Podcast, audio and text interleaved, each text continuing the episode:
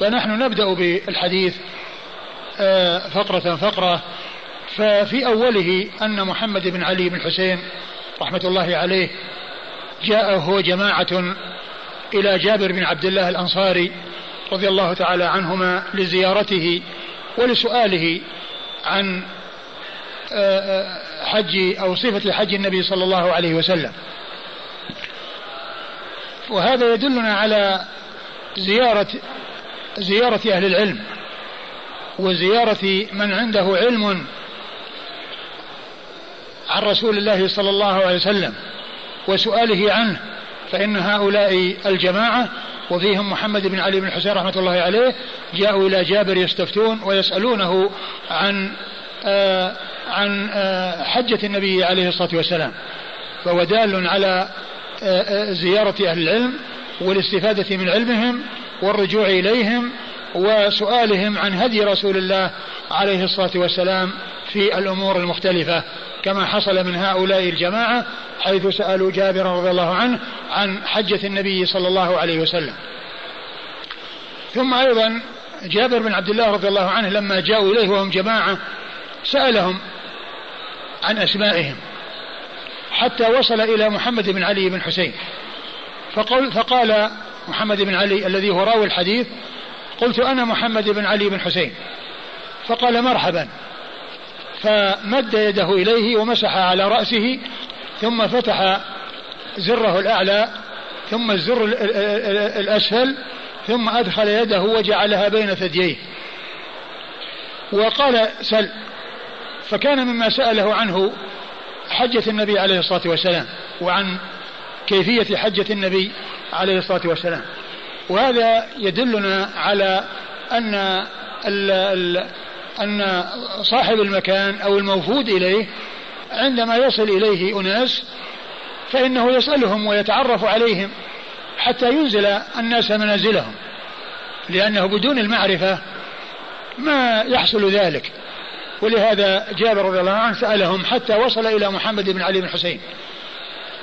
وأخبره وعند ذلك اتجه إليه وجعل الحديث معه وخصه بهذا التخصيص الذي حصل من جابر رضي الله عنه وأرضاه.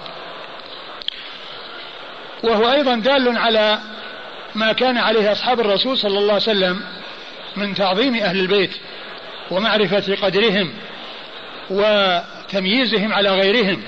لأن علي لأن جابر رضي الله عنه عندما عرف محمد بن علي بن حسين بعدما عرف بنفسه اتجه إليه. وفتح إزراريه وجعل يده بين ثدييه وذلك لتأنيسه لا سيما وهو شاب وهو شاب صغير فإن ذلك فيه تأنيس له وفيه توقير له. ثم آه هذا الذي فعله جابر رضي الله عنه من بيان عظيم قدر منزلة هذا الرجل الذي هو محمد بن علي بن حسين رحمة الله عليه يدلنا على ما كان عليه أصحاب الرسول صلى الله عليه وسلم من توقير أهل البيت وتعظيمهم وإنزالهم منازلهم. ومما يوضح هذا أن الخليفتين الراشدين أبو بكر وعمر رضي الله تعالى عنهما جاء عنهما نصوص تدل على تعظيم أهل البيت وعلى بيان منزلتهم وعظيم قدرهم. وذلك أن الإمام البخاري رحمه الله في صحيحه ذكر أثرين عن أبي بكر رضي الله عنه. أحدهما أن أن أبا بكر قال والله لقرابة رسول الله صلى الله عليه وسلم أحب إلي أن أصل من قرابتي. أي أن قرابة محمد عليه الصلاة والسلام يحب أن يصلهم أعظم مما يصل قرابته أي قرابة أبي بكر. آل, آل محمد أولى أولى بالصلة من آل أبي بكر. فهذا أثر ذكره البخاري في صحيحه عن أبي بكر الصديق رضي الله عنه وأرضاه. والله لقرابة رسول الله. صلى الله عليه وسلم أحب إلي أن أصل من قرابته والأثر الثاني وقد ذكره البخاري في صحيحه قوله أرقبوا. قول أبي بكر رضي الله عنه أرقبوا محمدا صلى الله عليه وسلم في أهل بيته. أي راعوا وصيته في أهل بيته. فهذان أثران عن أبي بكر ذكرهما البخاري في صحيحه. أما عمر الفاروق رضي الله تعالى عنه وأرضاه فقد ذكر البخاري عنه أثرا في صحيحه أنه لما حصل للناس جدب خرج بالناس يستسقي وطلب من العباس أن يدعو وتوسل بدعاء العباس وقال في دعائه اللهم إنا كنا إذا أجذبنا توسلنا إليك بنبينا فتسقينا. أي توسلنا بدعائه طلبنا منه أن يدعو وتوسلنا بدعائه. وإنا نتوسل إليك بعم نبينا فأسقنا. قم يا عباس ادعو الله. اختار عمر العباس لماذا؟ لقرابته من رسول الله عليه الصلاة والسلام. لأنه عم النبي عليه الصلاة والسلام. ولهذا قال وإنا نتوسل إليك بعم نبينا. ما قال وإنا نتوسل إليك بالعباس؟ قال وإنا نتوسل في عم نبينا. المهم في الأمر عنده هذه الصلة التي تربطه بالنبي صلى الله عليه وسلم وهي عمومته له. ولهذا قالوا إنا نتوسل إليك بعم نبينا فأسقنا. قم يا عباس فادعو الله. مع أن عمر بن الخطاب أفضل من العباس. وهو في الفضل بعد أبي بكر. فهو أفضل من العباس رضي الله عنه. ولكن من أجل قرابته من رسول الله عليه الصلاة والسلام خصه بهذا التقديم وميزه على غيره. أما الأثر الثاني الثاني عن عن عن عمر بن الخطاب رضي الله عنه فإن الحافظ بن كثير في تفسيره عند قول الله عز وجل قل لا أسألكم عليه أجرا إلا المودة في القربى وهي في سورة الشورى وهي مكية. قال إن عمر رضي الله عنه قال للعباس إن إسلامك يوم أسلمت أحب إلي من إسلام الخطاب لو أسلم لأن النبي صلى الله عليه وسلم كان حريصا على إسلامك. فهو يحب أن يسلم العباس لحرص النبي صلى الله عليه وسلم على إسلامه. ولهذا قال إن إسلامك يوم أسلمت أحب إلي من إسلام الخطاب لو أسلم لأن النبي صلى الله عليه وسلم كان حريصا على إسلامك. هذا أثر ذكره ابن كثير عند تفسير هذه الآية. بل وقد ذكر الأربعة الآثار هذه كلها عند تفسير هذه الآية. مبينا أن هذه الآية ليس المقصود بها أهل بيت الرسول صلى الله عليه وسلم. الذين هم آه الذين هم آه قرابته الذين هم قرابته وفي مقدمتهم آه آه علي وفاطمة آه وما, وما والحسن والحسين رضي الله تعالى عن الجميع. فإن المقصود بذلك كما ذكر ابن كثير وكما نقله عن ابن عباس وقد أثر ذكره البخاري في صحيحه ونقله ابن كثير عن تفسير هذه الآية. قال إن المقصود بهذه الآية أن النبي عليه الصلاة والسلام قال لكفار قريش وهو بمكة والسورة مكية إن إن بيني وبينكم قرابة وإذا لم تقوموا بنصرتي وتأييدي فلا أقل من أن تتركوني أبلغ رسالة ربي لما بيني وبينكم من القرابة. من أجل القرابة التي بيني وبينكم دعوني. أبلغ رسالة ربي. ولا أسألكم عليه أجرا إلا مودة في القربة. يعني من أجل ما بيني وبينكم من القرابة تتركوني أبلغ رسالة ربي. إذا لم تكونوا أنتم تتقبلونها وتكونون عونا عونا على تبليغها لما بيني وبينكم من القرابة اتركوني أبلغ رسالة ربي. وهو من جنس ما جاء في الآية اتقوا الله الذي تساءلون به والأرحام. فالإنسان القريب عندما يأتي إلى قريبه يقول للصلة التي بيني وبينك حقق لي كذا أو لما بيني وبينك من القرابة ساعدني على كذا. يعني من يذكر القرابة والصلة التي بينه وبينه. هذا أثر صحيح أورده البخاري في صحيحه عن ابن عباس وهو مبين المراد بالآية وأن المقصود بها كفار قريش وليس المقصود بها علي وفاطمة ونسلهما رضي الله تعالى عنهم فإن زواج علي بفاطمة ووجود النسل إنما كان كله بالمدينة. إنما كان ذلك بالمدينة والآية مكية. ولهذا جاء تفسيرها عن ابن عباس وهو حبر الأمة وترجمان القرآن رضي الله عنه وأرضاه بهذا المعنى الذي يتفق مع كونها آه، مكية. وعلى هذا فإن هذا الذي حصل من جابر بن عبد الله الأنصاري رضي الله عنهما من توقير هذا الرجل الذي هو محمد بن علي بن حسين رحمة الله عليه آه، دال على ما كان عليه أصحاب الرسول صلى الله عليه وسلم من توقير أهل البيت وإنزالهم منازلهم. وقد عرفنا من الآثار التي ذكرتها أن مقدمة الصحابة وخير الصحابة وأفضل الصحابة أبو بكر وعمر رضي الله عنهما وهذه من الآثار وهذه التي أشرت إليها من الآثار التي جاءت عنهم وهي دالة على توقير أهل البيت وبيان عظيم منزلتهم وإنزالهم منازلهم. نعم إيش قال بعده؟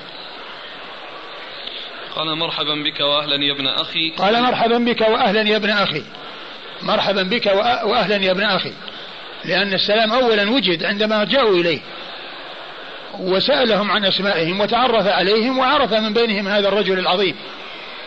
وقال له مرحبا بك واهلا يا ابن أخي. وهذا فيه دليل على استعمال مثل هذه الألفاظ في الترحيب بالقادم ومن يرحب به. فقالوا مرحبا. وقد جاء ذلك عن رسول الله صلى الله عليه وسلم أنه كان يأتي بهذه الكلمة وهي مرحبا. وقال ذلك في وفد عبد القيس. لما جاءوا إليه قال مرحبا. ف وجاء ذلك أيضا في مواضع عن النبي عليه الصلاة والسلام أنه كان يقول مرحبا وهذا إنما يكون بعد السلام. لا ليس كما يفعل بعض الناس يتركون السلام ويقولون مرحبا أو مساء الخير وما إلى ذلك ويتركون السنة. بل السلام هو أول كل أول شيء. وإذا حصل السلام ورد السلام يأتي بعده الترحيب ويأتي بعد ذلك الألفاظ التي يكرم بها الإنسان. ولكن ذلك بعد السلام. نعم. مرحبا بك وأهلا يا ابن أخي سل عما شئت. قال سل عما شئت. ولهذا خص بالسؤال بأن يسأل عما شاء. بأن يسأل عما شاء. نعم.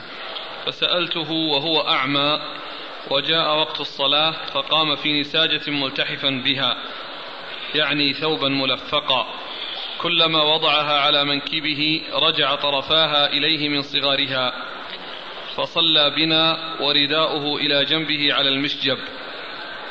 ثم ذكر أنه سأله ولما جاء وقت الصلاة قام وصلى بهم وهذا دليل على أن صاحب البيت وصاحب المنزل أولى من غيره بالإمامة. أولى من غيره بالإمامة. ويدل أيضا على إمامة الأعمى. ويدل أيضا على أن الإنسان له أن يصلي بالثوب الواحد إذا كان كافيا وساترا ولو كان عنده غيره لأنه كان استعمل هذه النساجة التي هي ملفقة وإذا جعلها على منكبيه وسحبها من جهة يعني تحركت إلى الجهة الأخرى لصغرها وقال وثوبه معلق على المشجب يعني كان بإمكانه أن يضيف ذلك إليه. يعني هذا الذي على المشجب يمكن أن يضيف إليه. فدلنا هذا على كفاية الثوب الواحد حيث آه، يكون ساترا ولو كان يوجد غيره من الثياب يمكن أن تضاف إليه. والمشجب هو أعواد كانوا يحزمونها وتكون أطرافها بارزة من فوق يعلقون عليها الثياب. ولهذا يقولون فلان كالمشجب من أين أتيته وجدته؟ يعني من أي جهة تجد المكان الذي يعلق فيه؟ سواء جئت من الجهة هذه أو من الجهة هذه. يعني من سائر الجهات فيه شيء يعلق به. فلان كالمشجب. يعني من حيث أتيته وجدته. يعني كما تريد تجد من جميع الجهات. آه هذا هو شأن المشجب. نعم. فقلت أخبرني عن حجة رسول الله صلى الله عليه وآله وسلم. فقلت أخبرني عن حجة النبي صلى الله عليه وسلم. ثم أيضا هذا الذي جاء في حديث جابر وقصة آه، فتحه آه، آه، الإزرارين. يعني يدلنا على أن الثياب يكون لها أزرة وأنها تزر وأنها ليست الثياب تتخذ فيها الأزرة ثم تكون مفتوحة الصدور. دون أن تزر وإلا فما فائدة الإزرار. وقد جاء في بعض الأحاديث أن النبي عليه الصلاة والسلام في حالة من الحالات جاءه وفد وكان إزراره محلولا. وبعض الشباب يتعلقون بهذا الحديث فيفتحون أزرتهم باستمرار وهذا ليس بصحيح.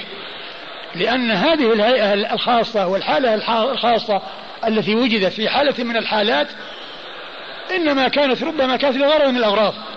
كتبرد أو نسيان زر الإزرار أو ما إلى ذلك. أما أن يكون الإزرار يوضع ثم الصدر يكون مفتوحا دون أن يزر إذا ما فائدة الإزرار؟ ما فائدة الإزرار إذا كان لا يزر؟ ولهذا كان آه، محمد بن علي رحمة الله عليه قد زر هذين الإزرارين وقد فكهما جابر بن عبد الله رضي الله تعالى عنهما رضي الله تعالى عنهما وأدخل يده وجعلها بين ثدييه وذلك تأنيسا له لكونه شاب صغير رحمة الله عليه. نعم. أني عن حجة رسول الله صلى الله عليه وآله وسلم فقال بيده فعقد تسعة ثم فقال أخبرني عن حجة رسول الله صلى الله عليه وسلم. هذا السؤال من محمد بن علي بن حسين رحمة الله عليه وهو الذي طلب منه أن يسأل وقدم على غيره لقرابته من رسول الله صلى الله عليه وسلم. فعقد تسعا يعني بيده. والعقود عند العرب مشهورة. آه، هيئات آه، تدل على الأعداد. هيئات تدل على الأعداد. يعني يقبض الأصابع إصبع أو إصبعين ويرفع آه، إصبع أو إصبعين كل هيئة تدل على رقم معين. فعقد تسعا وقال إن النبي صلى الله عليه وسلم مضى عليه في المدينة تسعة أعوام. مضى عليه تسعة أعوام. لم يحج إلا في السنة العاشرة. وسبق أن عرفنا أن العلماء اختلفوا في فرض الحج متى كان. فمنهم من قال في السنة السادسة ومنهم من قال قبل ذلك ومنهم من قال إن كان إنما كان في السنة التاسعة. ولهذا أرسل النبي صلى الله عليه وسلم أبا بكر ليحج بالناس في السنة التاسعة وينادي ألا يحج بعد العام المشرك وألا يطوف بالبيت عريان حتى إذا جاءت السنة القادمة التي حج فيها الرسول صلى الله عليه وسلم. وإذا هذه الهيئات وهذه الصفات السيئة التي كان اعتادها الناس أو اعتادها بعض الناس قد قضي عليها وقد انتهي منها فالحج فالكفار يمنعون من الحج ولا يحجون بعد ذلك العام وكذلك العراة يمنعون من العري وأنه لا يطوف بالبيت عريان كما كان بعض الحجاج يطوفون يطوفون عراة ويتعرون.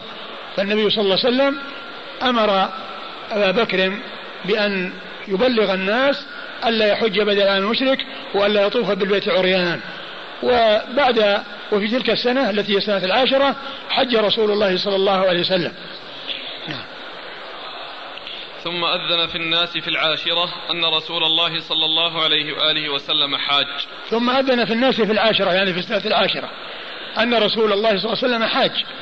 إما أذن هو أخبر أو أذن يعني بأمره وإنما حصل الإخبار بحجه صلى الله عليه وسلم حتى يأتي الناس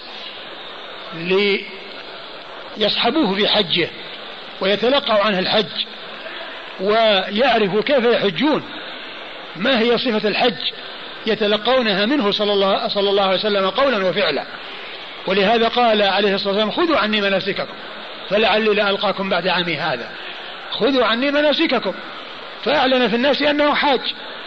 فتوافد الناس على المدينة وتقاطروا عليها يريدون أن يصحبوا رسول الله صلى الله عليه وسلم في رحلته إلى الحج.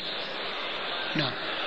فقدم المدينة بشر كثير كلهم يلتمس أن يأتم برسول الله صلى الله عليه وسلم ويعمل بمثل عمله. فقدم المدينة خلق كثير. يعني بعدما أعلم بأن النبي صلى الله عليه وسلم حاج توافد إلى المدينة أعداد كبيرة.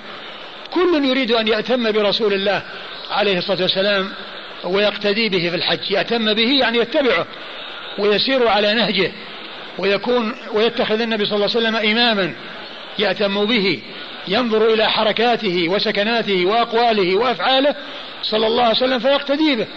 وهو نفسه عليه الصلاة والسلام حث على ذلك بقوله خذوا عني مناسككم فلعلي لا ألقاكم بعد عامي هذا. صلوات الله وسلامه وبركاته عليه. نعم. فخرج رسول الله صلى الله عليه وآله وسلم وخرجنا معه حتى أتينا ذا الحليفة. فولدت أسماء بنت عميس محمد بن أبي بكر. فأرسلت إلى رسول الله صلى الله عليه وآله وسلم كيف أصنع؟ فقال اغتسلي واستذفري بثوب وأحرمي. ثم أخبر بأن النبي صلى الله عليه وسلم خرج من المدينة وكان خروجه بعد صلاة الظهر. في هذا المسجد المبارك. صلى بالناس أربعا الظهر ثم خرج إلى ذي الحليفة وصلى فيها العصر ركعتين. وصلى فيها العصر ركعتين. وصلى فيها المغرب والعشاء والفجر والظهر. صلى فيها خمس صلوات جلس يوما وليلة. وكان جلوسه ولعل جلوسه رضي الله آه، صلى الله عليه وسلم في ذلك المكان حتى يتجمع الناس وحتى يتوافد الناس إلى هذا المكان. وحتى يكونوا على علم بصفة حجه من بدايته. لأن الحج يبدأ من الميقات والإحرام يبدأ من الميقات. فمكثه صلى الله عليه وسلم يوما وليلة في ذي الحليفة ليتوافد الناس إليه وليكونوا معه من أول عمل من أعمال الحج ومن من حين إهلاله بالحج ومن حين دخوله بالحج.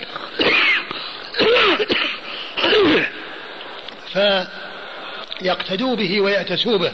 صلى الله عليه وسلم. فصلى العصر وهذا يدلنا على أن المسافر إذا سافر إذا خرج من البلد فإنه يبدأ بأحكام السفر ويبدأ برخص السفر. لأن النبي صلى الله عليه وسلم خرج وقصر العصر في ذي الحليفة. معناه أنه بدأ في السفر وخرج من البلد. فالإنسان المسافر إذا خرج من بلده وتجاوز بلده يبدأ بأحكام السفر. لا يلزم أن يسير مسافة طويلة جدا بل من حين ما يخرج من البلد دخل في أنه مسافر. وما دام أنه في البلد ليس بمسافر ولكنه إذا خرج وبدأ بالسفر بدأ بالترخص. ولهذا عليه الصلاة والسلام بدأ القصر بذي الحليفة في صلاة العصر حيث صلى بالمدينة الظهر أربعا وصلى بذي الحليفة العصر ركعتين. ولكن إذا امتدت المدينة ودخل ذي الحليفة في البنيان واتصل العمران فإنه لا يجوز أن يقصر في ذي الحليفة لأنها لأنها عند ذلك تكون من المدينة. وقد انتشر البنيان وكاد أن يتصل ولكنه بعد الاتصال يكون من المدينة. ذي الحليفة يكون من جملة المدينة وليس من أطرافها. ولا يجوز القصر فيه وإنما يقصر إذا تجاوز العمران نهائيا وترك العمران. عند ذلك يبدأ بالترخص لأن النبي صلى الله عليه وسلم آه، قصر في ذي الحليفة لأنه كان خارج المدينة وبينه وبين المدينة مسافة آه، يعني قريبة من عشرة كيلوات. نعم. ولدت أسماء بنت عميس محمد بن أبي بكر فأرسلت إلى رسول الله صلى الله عليه وسلم كيف أصنع؟ فولدت أسماء بنت عميس محمد بن أبي بكر الصديق. وكان الناس في تلك الليلة التي كانوا فيها بذي الحليفة. فأرسلت إلى النبي صلى الله عليه وسلم كيف أصنع؟ وأسماء بنت عميس هذه هي كانت زوجة جعفر بن أبي طالب رضي الله عنه وهو الذي استشهد في غزوة مؤتة. ثم تزوج هذا بعده أبو بكر رضي الله عنه. وبعد موت أبي بكر تزوجها علي وولدت من الثلاثة. وهذا الذي ولدته في ذي الحليفة هو آه، ممن ممن ولدته لأبي بكر.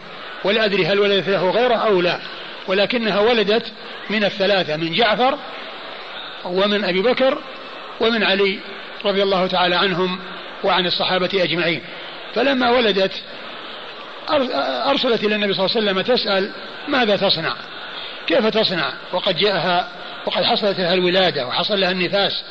فالنبي عليه الصلاة والسلام أمرها أن تغتسل وأن تستغفر بثوب. يعني تجعل ثوبا على فرجها يمنع من نزول الدم. وأمرها أن تغتسل يعني للإحرام. وهذا يدلنا على الاغتسال الإحرام وأن الاغتسال له سنة.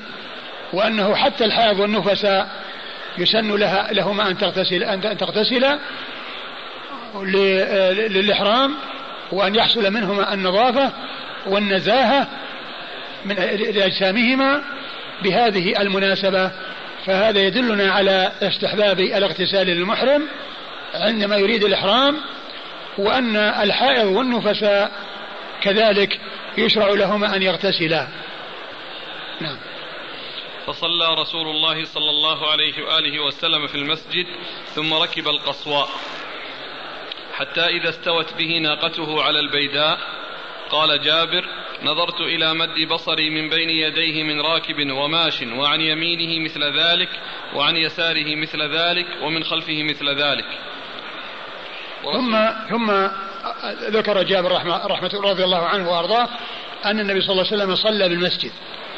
وكانت صلاته الظهر. وكانت صلاته الظهر. وهي التي صلى صلاها آخر صلاة وانطلق بعدها. وأحرم بعدها. وانطلق في رحلته إلى الحج عليه الصلاة والسلام. وإذا فهو صلى في ذي الحليفة خمسة أوقات العصر والمغرب والعشاء والفجر والظهر. وبعد صلاة الظهر انطلق ومعه أصحابه رضي الله عنهم وأرضاهم للحج ولما استوت على البيداء نظر جابر رضي الله عنه وإذا الناس الراكب والماشي مد البصر أمامه ويمينه وشماله وخلفه والنبي صلى الله عليه وسلم بينهم وسطهم صلى الله عليه وسلم. وعليه ينزل القرآن وهو يعلم تأويله وما فعله فعلوه. يعني معناه أنهم يتابعونه ويسيرون على نهجه وعلى طريقته صلوات الله وسلامه وبركاته عليه. وعليه ينزل القرآن وهو يعلم تأويله. فهو الذي ينزل القرآن فهو الذي ينزل عليه القرآن وهو الذي يعلم تأويله. ومن المعلوم أن خير ما يفسر به القرآن القرآن والسنة. خير ما يفسر به القرآن القرآن وسنة الرسول صلى الله عليه وسلم.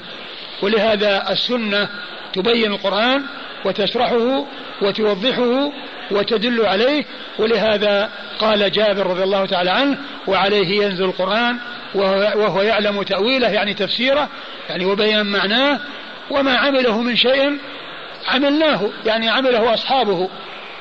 ومن المعلوم أن النبي عليه الصلاة والسلام لما كان في ذي الحليفة خير الناس بين أنساك ثلاثة خيرهم بين الإفراد وهو أن يحرم بالحج وحده. وإذا وصل مكة طاف وسعى وبقي على إحرامه حتى يأتي يذهب إلى عرفة ويأتي يرجع إلى مزدلفة ثم يأتي إلى منى ويرمي الجمرة ويحلق يحلق رأسه ويطوف ويتحلل. وليس عليه هدي. والقارن يحرم من الميقات بحج وعمرة يلبي بهما معا. وإذا وصل مكة طاف وسعى وقصر طاف وسعى واستمر على إحرامه حتى يأتي يوم النحر مثل ما هو مثل ما يعمل ما عمل المفرد. وكذلك التمتع خيرهم به صلى الله عليه وسلم وهو أن يحرم الإنسان من العمرة يحرم الإنسان بالعمرة من الميقات. فإذا وصل مكة طاف وسعى وقصر وتحلل وإذا جاء اليوم الثامن أحرم بالحج. ثم أتى بالحج وأكمله. فخير الناس عليه الصلاة والسلام بين الأنساك الثلاثة وكان وقد كان ساق الهدي عليه الصلاة والسلام وأحرم بالقرآن. حج قارنا صلوات الله وسلامه وبركاته عليه جمع بين الحج والعمرة وكان قارنا بينهما صلوات الله وسلامه وبركاته عليه. نعم. فأهل رسول الله صلى الله عليه وآله وسلم بالتوحيد. لبيك اللهم لبيك لبيك لا شريك لك لبيك إن الحمد والنعمة لك والملك لا شريك لك. أهل عليه الصلاة والسلام بالتوحيد. التوحيد هو إفراد الله بالعبادة. التوحيد هو إفراد الله بالعبادة هذا هو التوحيد. أهل بالتوحيد. ولهذا التلبية مشتملة على التوحيد مشتملة على لا إله إلا الله. لأن التوحيد هو مقتضى لا إله إلا الله. يعني لا معبود بحق إلا الله. لأن لا إله إلا الله تشتمل على ركنين. نفي وإثبات. نفي عام في أولها وإثبات خاص في آخرها. هذا هو معنى لا إله إلا الله. أهل بالتوحيد. التوحيد هو إفراد الله بالعبادة. وكلمة التوحيد هي لا إله إلا, لا إله إلا الله. هي مفتاح الجنة. وهي وهي هي المفتاح للدخول في الإسلام. وهي وهي النهاية وهي مفتاح الجنة. ولهذا الرسول صلى الله عليه وسلم أول ما بعثه الله كان يمشي في مكة ويقول يا أيها الناس قولوا لا إله إلا الله تفلحوا. قولوا لا إله إلا الله تفلحوا. فهي أول شيء يدعى إليه. أول شيء يدعى إليه التوحيد. ولهذا النبي صلى الله عليه وسلم في حديث معاذ بن جبل لما أرسله إلى اليمن قال إنك تأتي قوما أهل الكتاب فليكن أول ما تدعوهم إلى شهادة لا إله إلا الله وأن محمد رسول الله. أول شيء يدعى إليه التوحيد. الشهادة لله بالوحدانية ولنبيه محمد صلى الله عليه وسلم بالرسالة. فالتلبية مشتملة على التوحيد. أهل بالتوحيد ثم فسر التوحيد أنه هو التلبية. لبيك اللهم لبيك لبيك لا شريك لك. لأن لبيك معناها أنك يا ربي دعوتني لحج بيتك. ووفقتني للمجيء إلى الحج. وقد دخلت بالنسك. فلبيك اللهم لبيك. لبيك لا شريك لك لبيك. فلبيك اللهم هي بمعنى إلا الله ولا شريك له بمعنى لا إله, لا إله. لبيك اللهم لبيك لا شريك لك هي معنى لا إله إلا الله. لأن لبيك اللهم لبيك هي إلا الله. هي بمعنى إلا الله. ولا شريك لك بمعنى لا إله. بمعنى لا إله. ولهذا قال جابر رضي الله عنه أهل بالتوحيد. أهل بإعلان إخلاص العبادة لله عز وجل. ولهذا كل عمل من الأعمال لا ينفع صاحبه عند الله إلا إذا توفر فيه أمران. الإخلاص لله وحده والمتابعة للرسول صلى الله عليه وسلم. فإذا فقد الشرطان أو أحدهما فإن العمل لاغ ومردود على صاحبه لأنه إذا فقد الإخلاص وإن كان العمل خ... وإن كان العمل على طبق السنة ما دام فيه رياء وصرف العمل لغير الله ولو كان العمل مطابقا للسنة من حيث أن عبادة يعني يأتي بها الإنسان طبقا للسنة لكن ما دام أشرك مع الله غيره وصرف حق الله إلى غير الله فإنه ولو كان العمل مطابق للسنة ما دام أنه أشرك غير الله معه فيه فإنه يكون مردودا على صاحبه. ولهذا يقول الله عز وجل وقدمنا إلى ما عملوا من عمل فجعلناه هباء منثورا. وقدمنا إلى ما عملوا من عمل فجعلناه هباء منثورا. كل عمل يعمله الكفار من الأعمال الطيبة والأعمال التي فيها خير وفيها بر وفيها مصلحة وفائدة وإحسان مردود عليهم ولا ينفعهم عند الله عز وجل لأنه ما بني على التوحيد.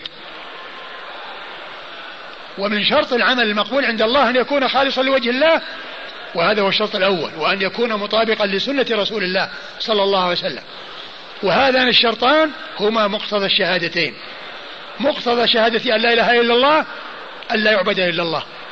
ومقتضى شهادة أن محمد رسول الله عليه الصلاة والسلام أن لا يعبد الله إلا طبقا لما جاء به رسول الله صلى الله عليه وسلم. فإذا فقد الإخلاص رد العمل وكان حابطا. وإن وجد الإخلاص ولكنه مبني على بدعة ومبني على محدثات الأمور فإنه أيضا يكون مردودا على صاحبه.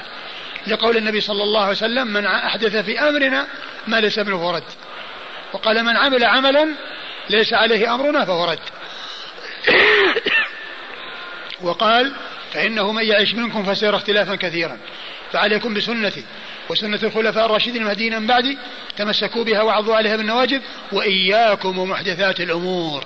فإن كل محدثة بدعة وكل بدعة ضلالة. فرغب ورهب. رغب في اتباع السنة ورهب من, من, من, من اتباع المحدثات. محدثات الأمور التي هي البدع المنكرة. ولهذا فإن العمل ولو كان خالصا لله لا بد أن يكون مطابقا لسنة رسول الله صلى الله عليه وسلم. وإن كان وإن كان العمل غير مطابق للسنة وإنما مبنيا على بدعة فإنه يرد على صاحبه. يرد على صاحبه لقوله صلى الله عليه وسلم من عمل عملا ليس عليه أمرنا فرد من أحدث في أمرنا ما ليس منه فهو رد. يعني مردود عليه غير مقبول غير معتبر لاغيا.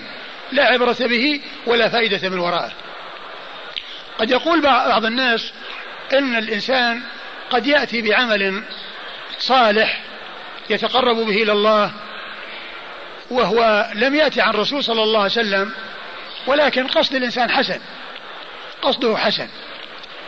فهل يشفع له حسن قصده؟ وأن عمله يكون مقبولا عند الله مع أنه ليس مبنيا على سنة رسول الله صلى الله عليه وسلم الأمر كما قال عليه الصلاة والسلام من عمل عملا ليس عليه أمره فهو رد مردود عليه.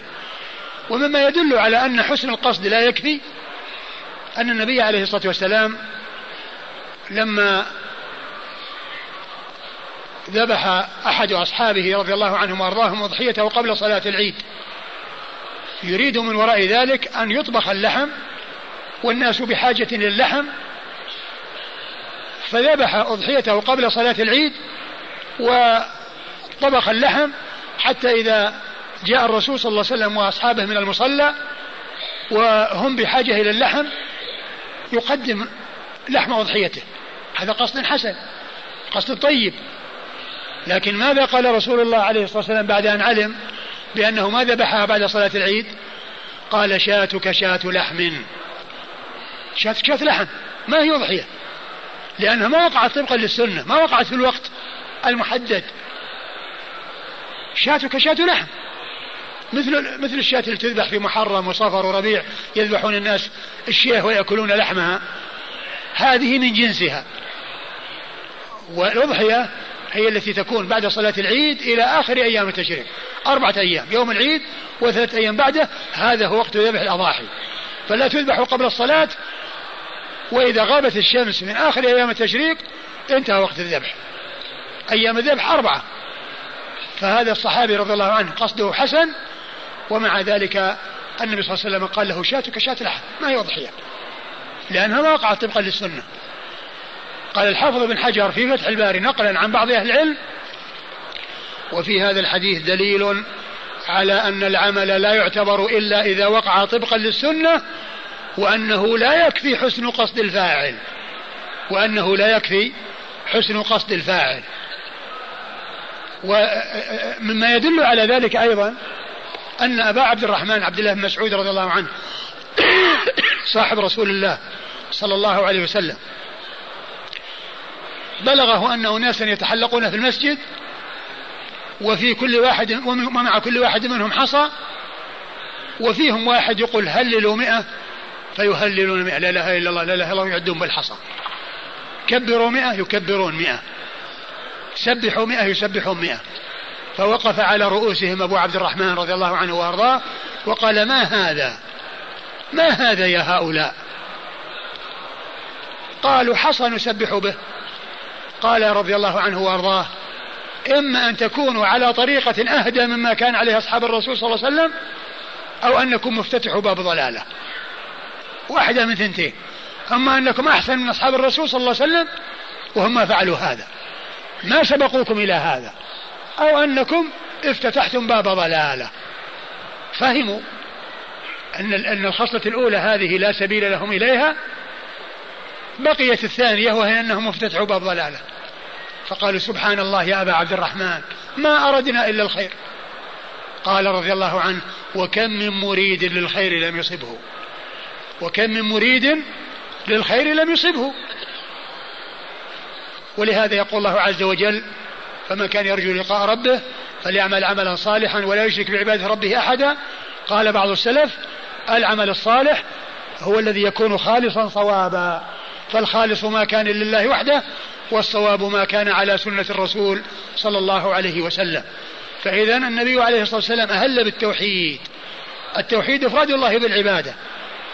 العبادة أنواع كثيرة. الدعاء عبادة. والذبح عبادة والنذر عبادة والاستعانة عبادة والاستغاثة عبادة والاستعاذة عبادة والرغبة عبادة والرهبة عبادة والخوف عبادة والتوكل عبادة. أنواع العبادة كثيرة جدا. وتوحيد الله تعالى في ألوهيته توحيد الله تعالى بأفعال العباد. أفعال العباد تكون خالصة لله. لا يجعلون مع الله شريكا في في عباداتهم التي يتقربون به إلى الله. وإنما يجعلونها خالصة لوجه الله عز وجل. يجعلونها خالصة لوجه الله. فعلى هذا ال ال هذا الذي آه، فعله هؤلاء والذين أنكر عليهم عبد الله بن مسعود قال كم من مريد للخير لم يصبه كم من مريد للخير لم يصبه هل عليه الصلاة والسلام بالتوحيد والتوحيد هو لا إله إلا الله والله ولبيك اللهم لبيك لا شريك لك هي معنى لا إله إلا الله. وكما قلت لبيك اللهم لبيك هي إلا الله. ولا شريك لك مع هي, هي لا إله. فاذا هي كلمة التوحيد كلمة الإخلاص. لبيك اللهم لبيك لبيك لا شريك لك لبيك. إن الحمد والنعمة لك والملك لا شريك لك. وبعدما أهل بالتوحيد وأعلن, وأعلن الإخلاص العبادة لله عز وجل والناس يسمعون وقد رفع صوته بذلك عليه الصلاة والسلام. أثنى على الله عز وجل بما هو أهله.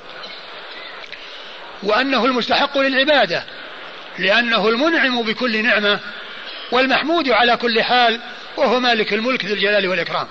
فقال إن الحمد والنعمة لك والملك لا شريك لك.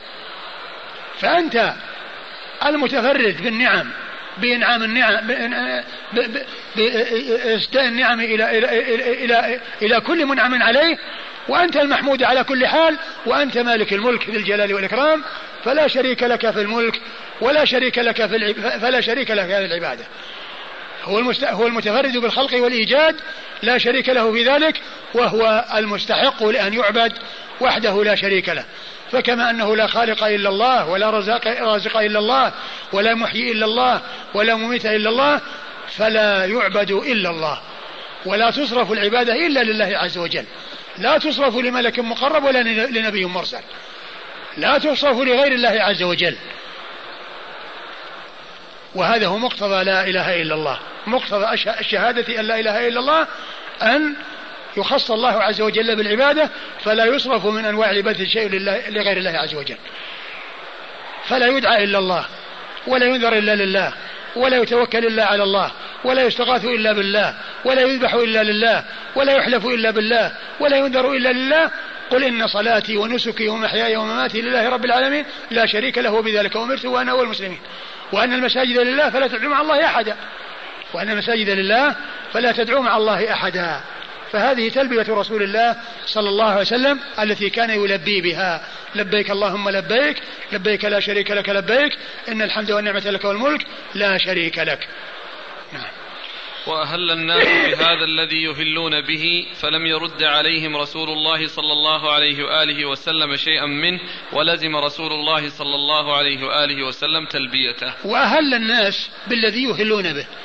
يعني منهم من يزيد على هذه التلبية كما جاء عن ابن ابن عمر رضي الله عنه فيما مضى لبيك وسعديك والخير بيديك والرغباء إليك والعمل. وجاء عن بعض الصحابة أنه قال لبيك حقا حقا. وجاء يعني ألفاظ أخرى والنبي صلى الله عليه وسلم كان يسمعهم ولا يعني ينكر عليهم. فدل ذلك على جواز أن الإنسان يأتي بشيء مع التلبية ولكن الأولى الاقتصار على تلبية النبي صلى الله عليه وسلم. لأنه ما كان يزيد عليها شيئا. ولكنه أقر الذين كانوا يلبون ويضيفون إلى التلبية. يعني بعض الإضافات مثل لبيك وسعديك والخير بيديك والرباء إليك والعمل. ويقرهم على ذلك ولكنه لم يزد على تلبيته صلى الله عليه وسلم. وهي لبيك اللهم لبيك لبيك لا شريك لك لبيك إن الحمد والنعمة لك والملك لا شريك لك. فالأولى للإنسان يقتصر على ما اقتصر عليه رسول الله صلى الله عليه وسلم وإن أتى بشيء آخر مما جاء عن السلف وعن الصحابة فلا بأس بذلك. والأولى الاقتصار على ما اقتصر عليه رسول الله صلى الله عليه وسلم. نعم. قال جابر لسنا ننوي إلا الحج لسنا نعرف العمرة. قول جابر رضي الله عنه لسنا ننوي إلا الحج. يعني أنهم ذهبوا حجاجا. هم ذهبوا للحج. والذهاب من أجل الحج. قوله وما كانوا يعرفون العمرة. المقصود من كونهم لا يعرفون العمرة لعل المقصود من ذلك العمرة التي يفسخ الحج. القران والإفراد مع عدم سوق الهدي إليها. وإلا فإن العمرة موجودة. والنبي صلى الله عليه وسلم كان اعتمر في أشهر الحج. اعتمر عمرة الحديبية في ذي القعدة التي صده المشركون عنها واعتمر عمرة القضية في ذي القعدة من السنة السابعة واعتمر في السنة الثامنة عمرة الجعرانة وكانت في ذي القعدة واعتمر مع حجته لأنه كان قارنا وكانت ذلك وكان ذلك في في الدخول في الإحرام في ذي القعدة وأداء الحج والعمرة في في وقت الحج في آه، في وقت الحج. ولكن الدخول كان في ذي القعدة. فقوله ما كنا نعرف العمرة يعني لعل المقصود من ذلك أنهم ما كانوا يعرفون أن من يلبي بالحج أنه سيتحول من إحرامه من كونه حاج إلى كونه معتمر. وأيضا في الصحابة من هو محرم بالعمرة؟ وأمهات المؤمنين كلهن محرمات بالعمرة متمتعات. والنبي صلى الله عليه وسلم خير أصحابه في الميقات بين الثلاثة الأشياء بين الإحرام بين التمتع والقران والإفراد. وفيهم المتمتعون وأمهات المؤمنين المتمتعات. كلهن أحرمنا بالعمرة. وكلهن أكملن العمرة إلا عائشة فقد حصل لها الحيض. وجاء الحج وهي لم تطهر فأمرها النبي صلى الله عليه وسلم أن تدخل الحج على العمرة وتكون قارنة. فإذا يحمل قول جابر رضي الله عنه ما كنا نعرف العمرة. أي نعرف أن الذين يلبون بالحج ويلبون بالقرآن حجاجا ومعتمرين مع بعض اللي هو القرآن؟ ما نعرف العمرة التي آل الأمر إليها وهي أن النبي عليه الصلاة والسلام بعدما طافوا بالبيت وسعوا بين الصفا والمروة أمر كل من كان قارنا أو مفردا ولم يسوق الهدي أن يتحول إلى عمرة وأن يكون متمتعا. هذا شيء جديد ما كانوا يعرفونه إلا لما وصلوا مكة. وليس المقصود أنهم ما كانوا يعرفون العمرة بل أمهات المؤمنين كن معتمرات وهن معهم والنبي صلى الله عليه وسلم كان اعتمر في أشهر الحج وعمره كانت كلها في أشهر الحج صلوات الله وسلامه وبركاته عليه. نعم. حتى إذا أتينا البيت معه استلم الركن فرمل ثلاثا ومشى أربعة. فدخلوا مع النبي صلى الله عليه وسلم مكة. ولما وصلوا إليه البيت أول شيء بدأ به أنه استلم الركن أي الحجر الأسود. استلمه والاستلام يكون بالتقبيل لمن يتمكن من ذلك ومن لم يتمكن ومد يده ولمس الحجر يقبل يده. وإذا كان راكبا يلمس الحجر بعصا ويقبلها كما فعل رسول الله عليه الصلاة والسلام فإنه آه، كان قد ركب صلوات الله وسلامه وبركاته عليه وكان يستلم الركن بمحجن فكان أن استلم الحجر الأسود ثم رمل ثلاثة أشواط. الرمل هو الإسراع مع مقاربة الخطى ورمله في الأشواط كلها الثلاثة من الحجر إلى الحجر. وأصل الرمل كان في عمرة القضية كما سبق أن مر بنا. لما اتفق النبي صلى الله عليه وسلم وكفار مكة على أن يرجعوا عام الحديبية ويعتمروا من العام القادم. كان كفار مكة أو جماعة من كفار مكة من جهة الحجر. وكانوا يتحدثون فيما بينهم يقولون إنه يقدم عليكم قوم وهانتهم حمى يثرب. فالنبي صلى الله عليه وسلم أمرهم بأن يرملوا الاشواط الثلاثة الأول يسرعون. وإذا كانوا بين الركنين يمشون لأن الكعبة تحجب بينهم وبين الكفار. ولكنه في حجة الوداع رمل من الحجر للحجر. فدل ذلك على أنه سنة وأن الرمل يكون الرمل يكون في الأشواط الثلاثه كلها من أولها إلى آخرها. ومشى اربعا. فهذا يدلنا على أن طواف البيت سبع وأن الثلاثة الأشواط الأول يرمل بها وذلك في حق من يدخل مكة أول طواف يطوفه إن كان متمتعا أو معتمرا فطواف العمرة وإن كان قارنا أو مفردا فطواف القدوم. يرمل ثلاثا ويمشي أربعا. فهو يدلنا على أن طواف البيت سبع وأنه يشرع الرمل في الطواف الأول ويكون في الأشواط الثلاثة الأول والمشي يكون في الأربعة الأشواط الباقية. نعم. ثم تقدم إلى مقام إبراهيم فقرأ واتخذوا من مقام إبراهيم مصلى فجعل المقام بينه وبين البيت.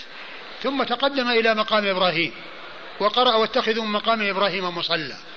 وجعله بينه وبينه بين البيت وصلى ركعتين. صلوات الله وسلامه وبركاته عليه. وهذا يدلنا على مشروعية صلاة ركعتين خلف المقام إذا تيسر وإلا ففي أي مكان من الحرم.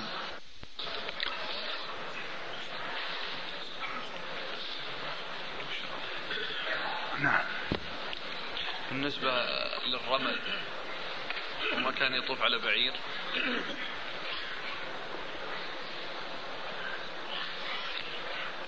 جاء جاء أنه صلى الله عليه وسلم طاف على بعير. لكن هذه الرواية عن جابر يعني فيها أنه رمل وأنه استلم البيت ورمل ولكن يعني في بعض الحديث عن جابر أن الناس غشوه غشوه فركب البعير. فركب البعير صلى الله عليه وسلم. كان غشي غشاه الناس و وقد سبق أن مر بنا في حديث بعض حديث جابر عن جابر نفسه أنه الناس غشوه وفي نعم. ها؟ لا لأنه كان يعني في السعي في الطواف والسعي وهو الإفاضة ما سعى وإنما طاف فقط. طيب عن جابر طاف النبي صلى الله عليه وسلم في حجة الوداع على راحلته بالبيت. هذا هو. وبالصفا والمروة ليراه الناس ويشرف ليسألوه فإن الناس هذا هو. لأن لعله يعني معناه أنه يعني إن أنه يعني استلم الحجر وبعد ذلك يعني لما غشاه الناس يعني ركب البعير حتى يشرف وحتى يراه الناس صلى الله عليه وسلم. وقد أمر يعني أمر بالرمل. فيكون يعني معناه أنه معنى الرواية هذه رمل أنه يعني أمر بالرمل. ويكون يعني يضاف إليه الرمل لأنه الآمر به صلى الله عليه وسلم. ثم تقدم إلى مقام إبراهيم فقرأ واتخذوا من مقام إبراهيم مصلى فجعل المقام بينه وبين البيت. قال فكان أبي يقول قال ابن نفيل وعثمان ولا أعلمه ذكره إلا عن النبي صلى الله عليه وسلم قال سليمان ولا أعلمه إلا قال كان رسول الله صلى الله عليه وآله وسلم يقرأ في الركعتين بقل هو الله أحد وبقل يا أيها الكافرون. وهنا يعني ذكر الاختلاف يعني بين الرواة الذين رووا الذين روى عنه أبو داود يعني رحمه الله يعني فيما يتعلق بالركعتين ويعني وما يتعلق فيما يتعلق بالقراءة في الركعتين وأنه كان يقرأ فيهما قل هو الله أحد وقل يا أيها الكافرون. وقل هو الله أحد كما هو معلوم دالة على آه، آه، على توحيد الأسماء والصفات وأن الله تعالى واحد في ذاته وأسمائه وصفاته فهو سبحانه وتعالى الأحد الصمد الذي تصمد إليه الخلائق بحوائجها وهو الذي هو مستغن عن الأصول والفروع والنظر فهو لم يلد ولم يولد ولم يكن له أحد. وسورة الكافرون فيها توحيد العبادة. لا أعبد ما تعبدون ولا أنتم عابدون ما أعبد. فهذه فيها توحيد العبادة وهذه فيها توحيد الأسماء والصفات. ثم رجع إلى البيت فاستلم الركن. ثم رجع إلى البيت بعدما صلى خلف المقام ركعتين فاستلم الركن أي الحجر الأسود. وهذا يدلنا على أنه يشرع للقادم ب يعني بالحج أو العمرة إذا انتهى من الطواف بالبيت أنه بعدما يطوف ويصلي ركعتين يأتي إلى الحجر ويستلمه. وهذا استلام ليس متعلقا بطواف وإنما هو استلام مستقل بعدما فرغ الإنسان من ركعتين. فمثل ذلك جاءت به السنة عن رسول فذلك جاءت به السنة عن رسول الله صلى الله عليه وسلم. ومعلوم أن الاستلام الآن والذهاب إلى الحجر واستلامه في غاية المشقة والإنسان لا يستلم الحجر ولو أدى إلى مشقة بل الأمر في ذلك إن تيسر له أن يستلمه بدون أن يؤذي أحدا فعل وإن كان لا يصل إليه إلا بالإيذاء فإنه لا يفعل لأن استلامه سنة وإيذاء الناس حرام ولا يرتكب ولا يرتكب الأمر المحرم في الوصول إلى أمر مستحب. لا يرتكب الأمر المحرم في سبيل الوصول إلى أمر مستحب بل يترك الأمر المستحب إذا لم يوصل إليه إلا بإيذاء الناس وبحصول الأذى من من من الإنسان للناس فإنه يترك ذلك ولا يذهب إليه. والحاصل أن أن أن كون الإنسان الإنسان يستلم الحجر إذا كان في طواف. في كل طوفة يستلم الحجر. وفي هذا الموضع الذي هو بعد ركعتي الطواف يأتي ويستلم. أما كون بعض الناس يأتي إلى الحجر ويستلمه أو يصلي حول الك... حول الك... حول الحجر ومن يوم... من يوم يسلم الإمام يثب على الحجر ويقبله هذا ما جاءت به السنة عن رسول الله عليه الصلاة والسلام. لأن السنة جاءت بأنه يقبل ويستلم في حال الطواف وفي هذا الموضع الذي هو بعد ركعتي الطواف نعم. نعم. الحجر نحن عرفنا. نحن عرفنا أنه يحصل فيه ثلاثة أمور. كون الإنسان يستلمه يقبله وإن لم يستطع فإنه يستلمه ويقبل ما استلم به وإن لم يستطع فإنه يشير إليه ويكبر. وفي هذا الموضع النبي صلى الله عليه وسلم استلم وحصل منه الاستلام صلى الله عليه وسلم.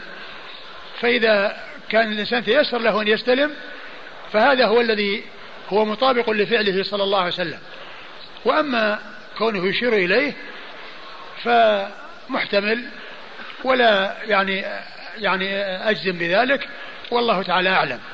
لأن الذي فعله النبي صلى الله عليه وسلم في هذا الموطن بالذات هو هذا.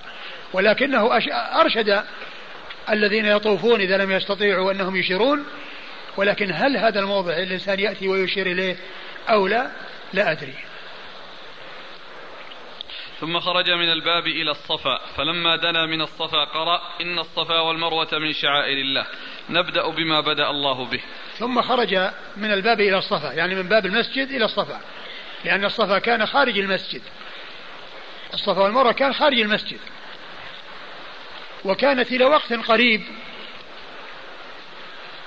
كان المسعى في وسط السوق والدكاكين على يمينه وشماله. والناس يسعون في وسط الدكاكين بين الدكاكين. الناس يبيعون ويشترون. يعني كان ذلك موجودا في سنة في سنة سبعين وثلاثمائة وألف.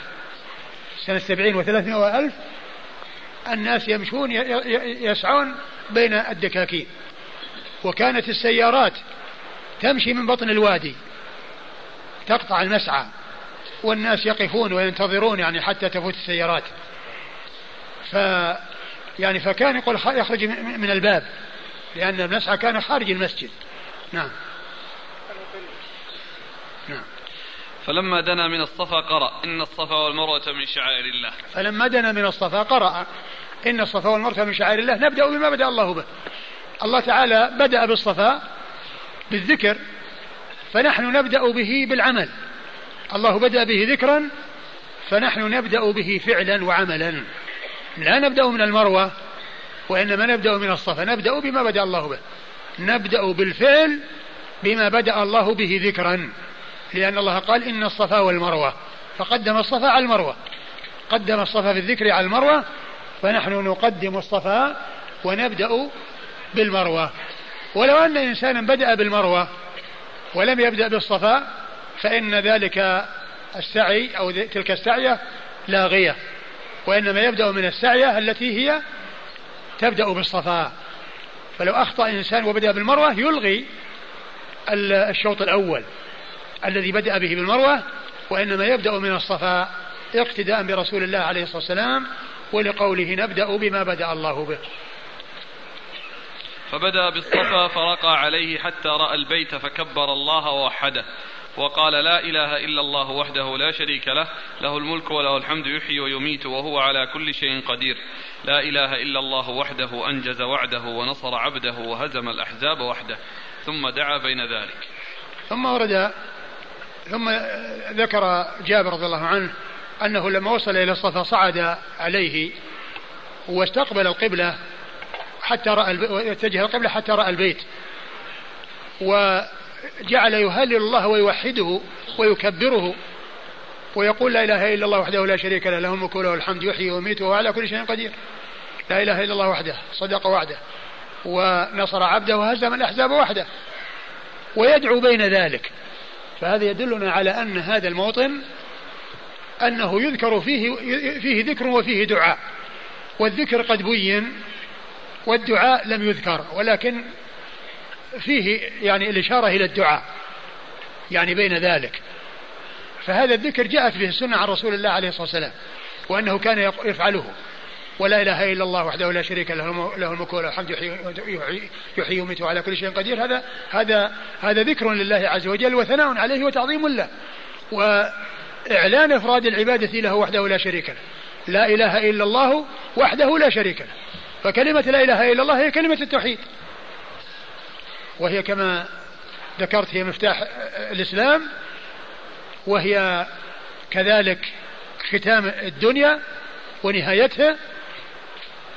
والنبي, صلى الله عليه وسلم كما أسلفت كان أول ما صار مكة يقول قولوا لا إله إلا الله تفلحوا. وقال عليه الصلاة والسلام من كان آخر كلام من الدنيا لا إله إلا الله دخل الجنة. لقنوا موتاكم لا إله إلا الله. فإنه من كان آخر كلام من الدنيا لا إله إلا الله دخل الجنة. والتلقين يكون قبل الموت ما هو يكون بعد الموت. مثل ما يفعل بعض الأمم المبتدعة. يلقنون بعد القبر ويقولون يا فلان ابن فلانة اذكر كذا. ورد في حديث ضعيفة غير ثابت عن رسول الله عليه الصلاة والسلام. ولكن الثابت هو التلقين ما دام الإنسان في الحياة الدنيا. ولهذا قال عليه الصلاة والسلام لقنوا موتاكم لا إله إلا الله. فإنه من كان آخر كلامه من الدنيا لا إله إلا الله دخل الجنة. والإنسان إنما ينتهي من الدنيا بالموت. فإذا قالها قبل أن يموت معناه ختم له بكلمة التوحيد. وكلمة موتاكم هذه معناها الذين قاربوا الموت. وليس المقصود به الذي مات بالفعل.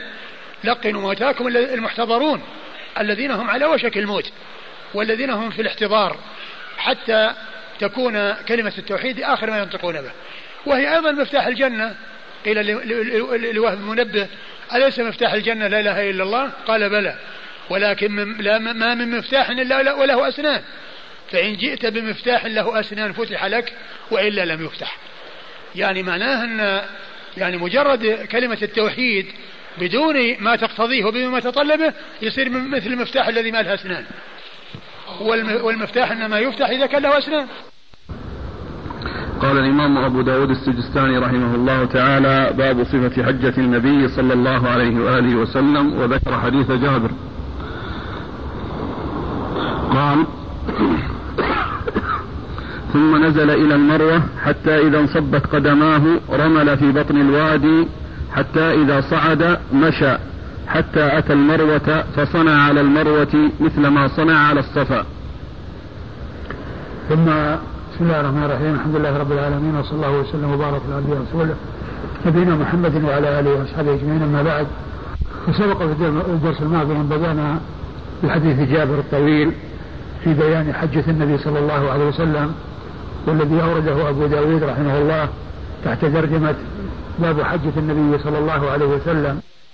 وقد وصلنا إلى السعي بين الصفا والمروة وأنه بعدما وقف على الصفا وذكر الله وحده وقال لا إله إلا الله وحده لا شريك له له الملك وله الحمد يحيي ويميت وهو على كل شيء قدير لا إله إلا الله وحده صدق وعده. وأنجز أنجز وعده ونصر عبده صدق صدق وعده وأنجز عبده وأنجز وعده وهزم الأحزاب وحده. وأنه كان يدعو بين ذلك ويأتي بذلك ثلاثا. وقد عرفنا أن هذا هذا الدعاء مشتمل على التوحيد وعلى إخلاص العبادة لله عز وجل وذلك في قوله لا إله إلا الله وحده لا شريك له له الملك وله الحمد وهو على كل شيء قدير. فإن قوله لا إله إلا الله هذه كلمة الإخلاص وكلمة التوحيد. وحده لا شريك له تأكيد لكلمة التوحيد. لأن وحده مؤكدة لإلا الله الذي هو النفي. ولا شريك له مؤكدة للنفي الذي هو لا إله. ثم بعد ذلك الثناء على الله عز وجل بما هو أهله من أنه له الحمد وله, وله الملك. له الملك وله الحمد. فهو المالك هو مالك الملك وهو المحمود على كل حال فهو الذي يعبد وحده لا شريك له وهو على كل شيء قدير. لا إله إلا الله وحده. وهذا أيضا تكرار لكلمة التوحيد. وحده تأكيد لقوله إلا الله. أنجز وعده أي وعده لنبيه صلى الله عليه وسلم ونصر عبده أي الذي هو النبي صلى الله عليه وسلم وهزم الأحزاب وحده.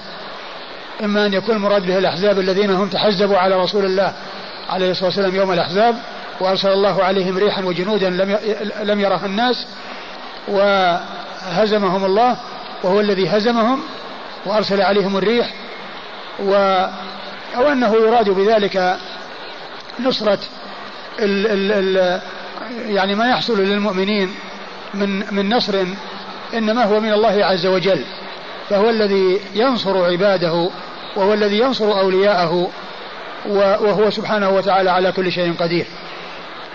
ثم ذكر أنه بعدما وأنه دعا بين ذلك وكرر ذلك ثلاثا وأنه نزل من الصفا متجها إلى المروة وصار يمشي صلى الله عليه وسلم مشيا حتى إذا انصد انصبت قدماه في بطن الوادي أسرع وسعى حتى ظهر من الوادي من الناحية التي من جهة المروة ثم صار يمشي حتى وصل إلى المروة. فتبين بهذا أن السنة في السعي أنه يمشى في ما بين الصفا والمروة إلا في المكان الذي هو بطن الوادي والذي جعل له في هذا الزمان علامة وهي طلاء أخضر وإضاءة خضراء تكون على الجوانب وفوق فإذا كان بين هذه العلامة فإنه يسعى وإذا وصل ال ال تجاوزها فإنه يمشي. هكذا كان رسول الله عليه الصلاة والسلام يفعل في سعيه صلى الله عليه وسلم. حتى إذا وصل إلى المروة فعل عليها مثل ما فعل على الصفا يعني أنه يقف وأنه يدعو وأنه آه، يذكر الله عز وجل ويهلله. أي أن الذي يؤتى به على المروة على الصفا يؤتى به على المروة. وأيضا كذلك يعني يكون في استقبال القبلة. وفيه أيضا رفع اليدين كما سبق أن مر في حديث سابق أنه كان يرفع يديه عليه الصلاة والسلام وهو يذكر الله ويهلله ويدعو كان يرفع يديه صلوات الله وسلامه وبركاته عليه. نعم. قال حتى إذا كان آخر الطواف على المروة قال إني لو استقبلت من أمري ما استدبرت لم أسق الهدي ولجعلتها عمرة فمن كان منكم ليس معه هدي فليحلل وليجعلها عمرة. فحل الناس كلهم وقصروا إلا النبي صلى الله عليه وآله وسلم ومن كان معه هدي. ثم إن النبي عليه الصلاة والسلام بعدما انتهوا من, من, من الطواف بين الصفا والمروة آه، قال لهم لو استقبلت من من أمري ما استدبرت لم أسق الهدي. لم أسق الهدي. لم أسق الهدي ولا جعلتها عمرة. ثم قال من كان من لم يكن معه هدي فليجعلها عمرة. فأحل الناس كل من لم يكن كل, كل من لم يكن معه هدي فإنه حل وتحول جعل ذلك عمرة وقصر وتحلل. فدل هذا على أن التمتع أفضل من من القران والإفراد وأنه في حالة سوق الهدي يبقى القارن والمفرد على إحرامه حتى يوم النحر وإذا لم يكن معه هدي فإنه يتحول من كونه قارنا أو مفردا إلى كونه متمتعا أي محرما بعمرة ويقصر ويتحلل. ثم في اليوم الثامن يحرم بالحج من مكة ويذهب إلى منى ويكمل أعمال الحج. وهنا ذكر التقصير وأنهم قصروا. ومعلوم أن الحلق أفضل من التقصير. ولكن لكون الزمن متأخر لأنهم وصلوا في رابع ذي الحجة ولم يبقى على الحج إلا أيام قليلة. ما بقي على يوم النحر إلا ستة أيام. فقصروا حتى يبقى شعر يحلق يوم العيد بعد رمي جمرة العقبة. وهذا يدلنا على أن الإنسان إذا جاء في وقت متأخر يعني أتى بعمرة وهو في زمن قريب من الحج ولا وليس هناك وقت ينبت الشعر معه فإن الأولى في حقه أن يقصر كما فعل الصحابة مع رسول الله صلى الله عليه وسلم في حجة الوداع فإنهم قصروا عند المروة. وأما إذا كان الإنسان جاء في وقت مبكر ويمكن الشعر يخرج بأن يكون جاء في أول ذي القعدة أو جاء في أثناء ذي القعدة أو قبل ذلك يعني في أشهر الحج فإن الأولى في حقه أن يحلق لأن النبي عليه الصلاة والسلام دعا للمحلقين ثلاث مرات وللمقصرين مرة واحدة ودل على أن الحلق أفضل من التقصير. ولكن آه، آه، أتي بالتقصير هنا عند المروة من الذين كانوا متمتعين أو كانوا آه، فسخوا إحرامهم بالحج أو الحج والعمرة إلى العمرة. فصاروا متمتعين لأن الحج قريب وقصروا ليكون هناك شعر يبقى يحلق يوم العيد. نعم. فحل الناس كلهم وقصروا إلا النبي صلى الله عليه وآله وسلم ومن كان معه هدي. حل الناس كلهم وقصروا إلا النبي صلى الله عليه وسلم ومن كان معه هدي. لأن النبي عليه الصلاة والسلام قسم الناس قسمين. قال من كان معه هدي يعني سواء كان قارنا أو أو مفردا فيبقى على إحرامه إلى يوم النحر حيث يبلغ الهدي محله.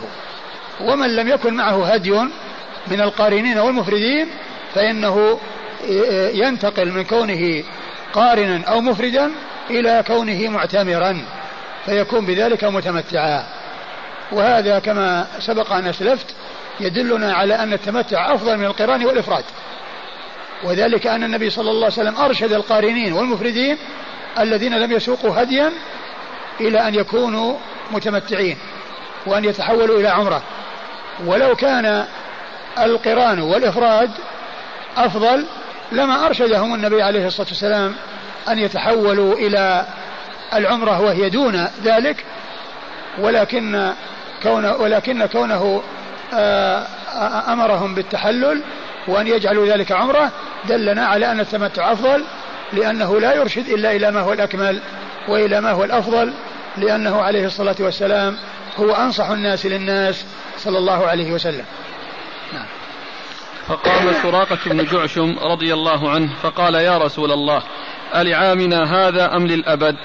فشبك رسول الله صلى الله عليه وآله وسلم أصابعه في الأخرى ثم قال دخلت العمرة في الحج هكذا مرتين لا بل لأبد أبد لا بل لأبد أبد. ثم ذكر بعد ذلك أنه لما أمرهم أن يتحللوا وتحللوا سأله سراقة بن مالك بن جعشم رضي الله عنه رأيت عمرتنا هذه لعامنا هذا أم للأبد؟ يعني هل هي خاصة بنا هذه السنة فقط أو أنها مستمرة ودائمة وباقية؟ فالنبي صلى الله عليه وسلم قال لا بل لأبد الأبد. يعني معناها أنها مستمرة ليست خاصة بكم. وهذا وهذه العمرة التي آه وقال وشبك بين أصابعه وقال دخلت العمرة في الحج. وهذا يحتمل أمرين.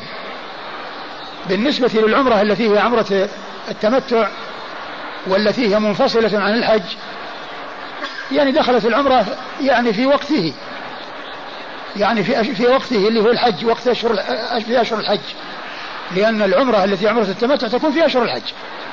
فاذا آه، العمرة التي تكون مستقلة عن الحج ليست مقرونة معه وهي التي سئل عنها فقال عليه الصلاة والسلام آه، لأبد الأبد. فدل ذلك على أن هذا ليس خاصا في في أصحاب الرسول صلى الله عليه وسلم. وأنها وأنه لما كان أهل الجاهلية يرون أن العمرة في أشهر الحج من أفجر الفجور النبي صلى الله عليه وسلم أمرهم بذلك.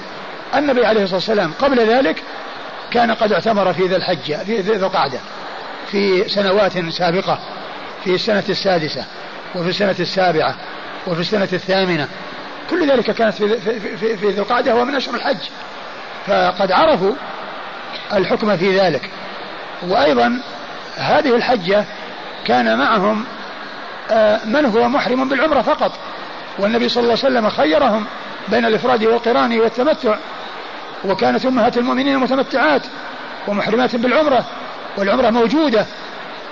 ولكن ال ال فإذا المقصود أن العمرة دخلت في الحج إما دخلت في وقته وهي العمرة المنفردة وهي التي سئل عنها أو أنها العمرة التي مع القران التي مع الحج وهذه دخلت في أعماله. يعني العمرة دخلت في أعمال الحج. ولكن المسؤول عنه والكلام إنما يكون بالعمرة المستقلة والعمرة المنفصلة. لكن إذا كان الإنسان أحرم بحج وعمرة وساق الهدي فإنه أيضا العمرة موجودة مع الحج وهي داخلة في أعماله وليست منفصلة عنه. ولكن الحديث والسؤال إنما جاء فيما يتعلق بالعمرة المنفصلة التي هي عمرة التمتع. وإذا فالتمتع حكم مستمر وليس خاصا بأصحاب الرسول عليهم الصلاة والسلام عليه الصلاة والسلام ورضي الله عنهم وأرضاهم.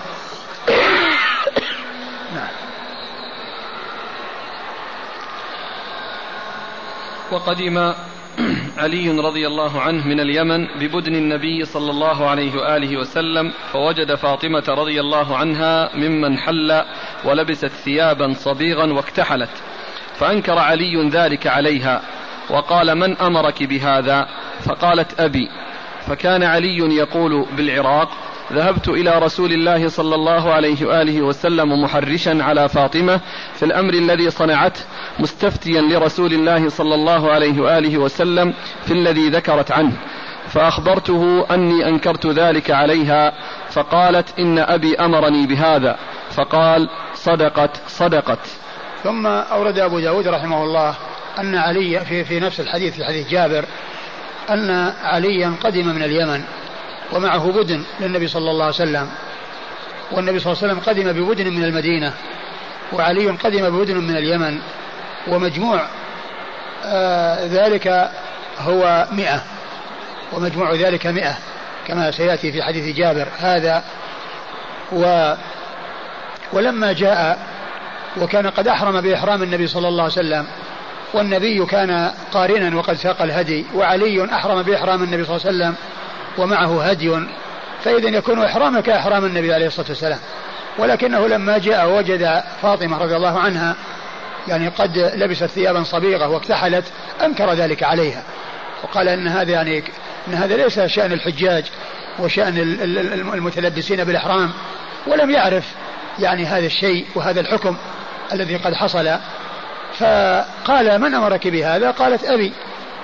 فكان علي يقول أنه ذهب محرشا يعني آه، ذاكرا ذلك الذي أنكره على عائشة للنبي عليه الصلاة والسلام وأنه أنكر عليها ذلك وقال لها من أمرك بهذا؟ قالت أبي. وأن النبي صلى الله عليه وسلم قال صدقت صدقت. وعائشة وفاطمة رضي الله عنها كانت متمتعة لأنها تحللت من العمرة ولبست وفعلت ما يفعل المحلين ما يفعله المحلون. وهو يعني آه، استغرب هذا ولم يعرف هذا الحكم ولكنه لما جاء إلى النبي صلى الله عليه وسلم وسأله أخبره بذلك. ثم إنه سأله عن عن إحرامه وقال إنه أحرم بما أحرم به النبي صلى الله عليه وسلم وقد ساق الهدي هو فأمره أن يبقى على إحرامه. نعم. ماذا قلت حين فرضت الحج؟ قال قلت اللهم إني أهل بما أهل به رسول الله صلى الله عليه وآله وسلم. قال فإن معي الهدي فلا تحلل. قال وكان جماعة الهدي الذي قريت به علي من اليمن والذي أتى به النبي صلى الله عليه وآله وسلم من المدينة مئة. فحل الناس كلهم وقصروا إلا النبي صلى الله عليه وآله وسلم ومن كان معه هدي. ثم ذكر جابر رضي الله عنه في الحديث أن النبي صلى الله عليه وسلم سأل عليا ماذا فعلت يعني في إحرامك؟ قال إني أهللت بما أهل به رسول الله صلى الله عليه وسلم. قال إني قد سقت الهدي. وهو أيضا هو ساق الهدي فأمره أن يبقى على إحرامه. وكان جملة الهدي الذي جاء من المدينة ومن اليمن آه، مقداره مئة من الإبل. وليس هذا فرضا. الفرض ما استيسر من الهدي. كما قال الله عز وجل فمن تمتع بالعمرة للحج فما استيسر من الهدي. ولكن يعني ذلك فرض وتطوع. يعني هذا المبلغ الكبير وهذا العدد الكبير من الإبل إنما هو تطوع وتقرب إلى الله عز وجل بنحر تلك البدن تقربا إلى الله سبحانه وتعالى. القارن عليه هدي وهو وهو ما استيسر من الهدي وهو شاة. والمتمتع عليه شاة. والنبي صلى الله عليه وسلم إنما ذبح هذا المقدار أو نحر هذا المقدار متطوعا صلوات الله وسلامه وبركاته عليه. وقد سبق من مر بنا حديث الرجل الذي جاء إلى عمر وقال إنني كنت نصرانيا وأنني وجدت وأني أحب الجهاد ووجدت أن العمرة والحج مكتوبان علي.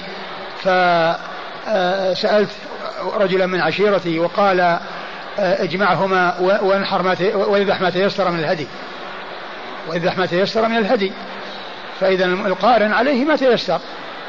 والله تعالى يقول فمن تمتع بالعمرة إلى الحج فما استيسر من الهدي وهي تشمل القارن والمتمتع.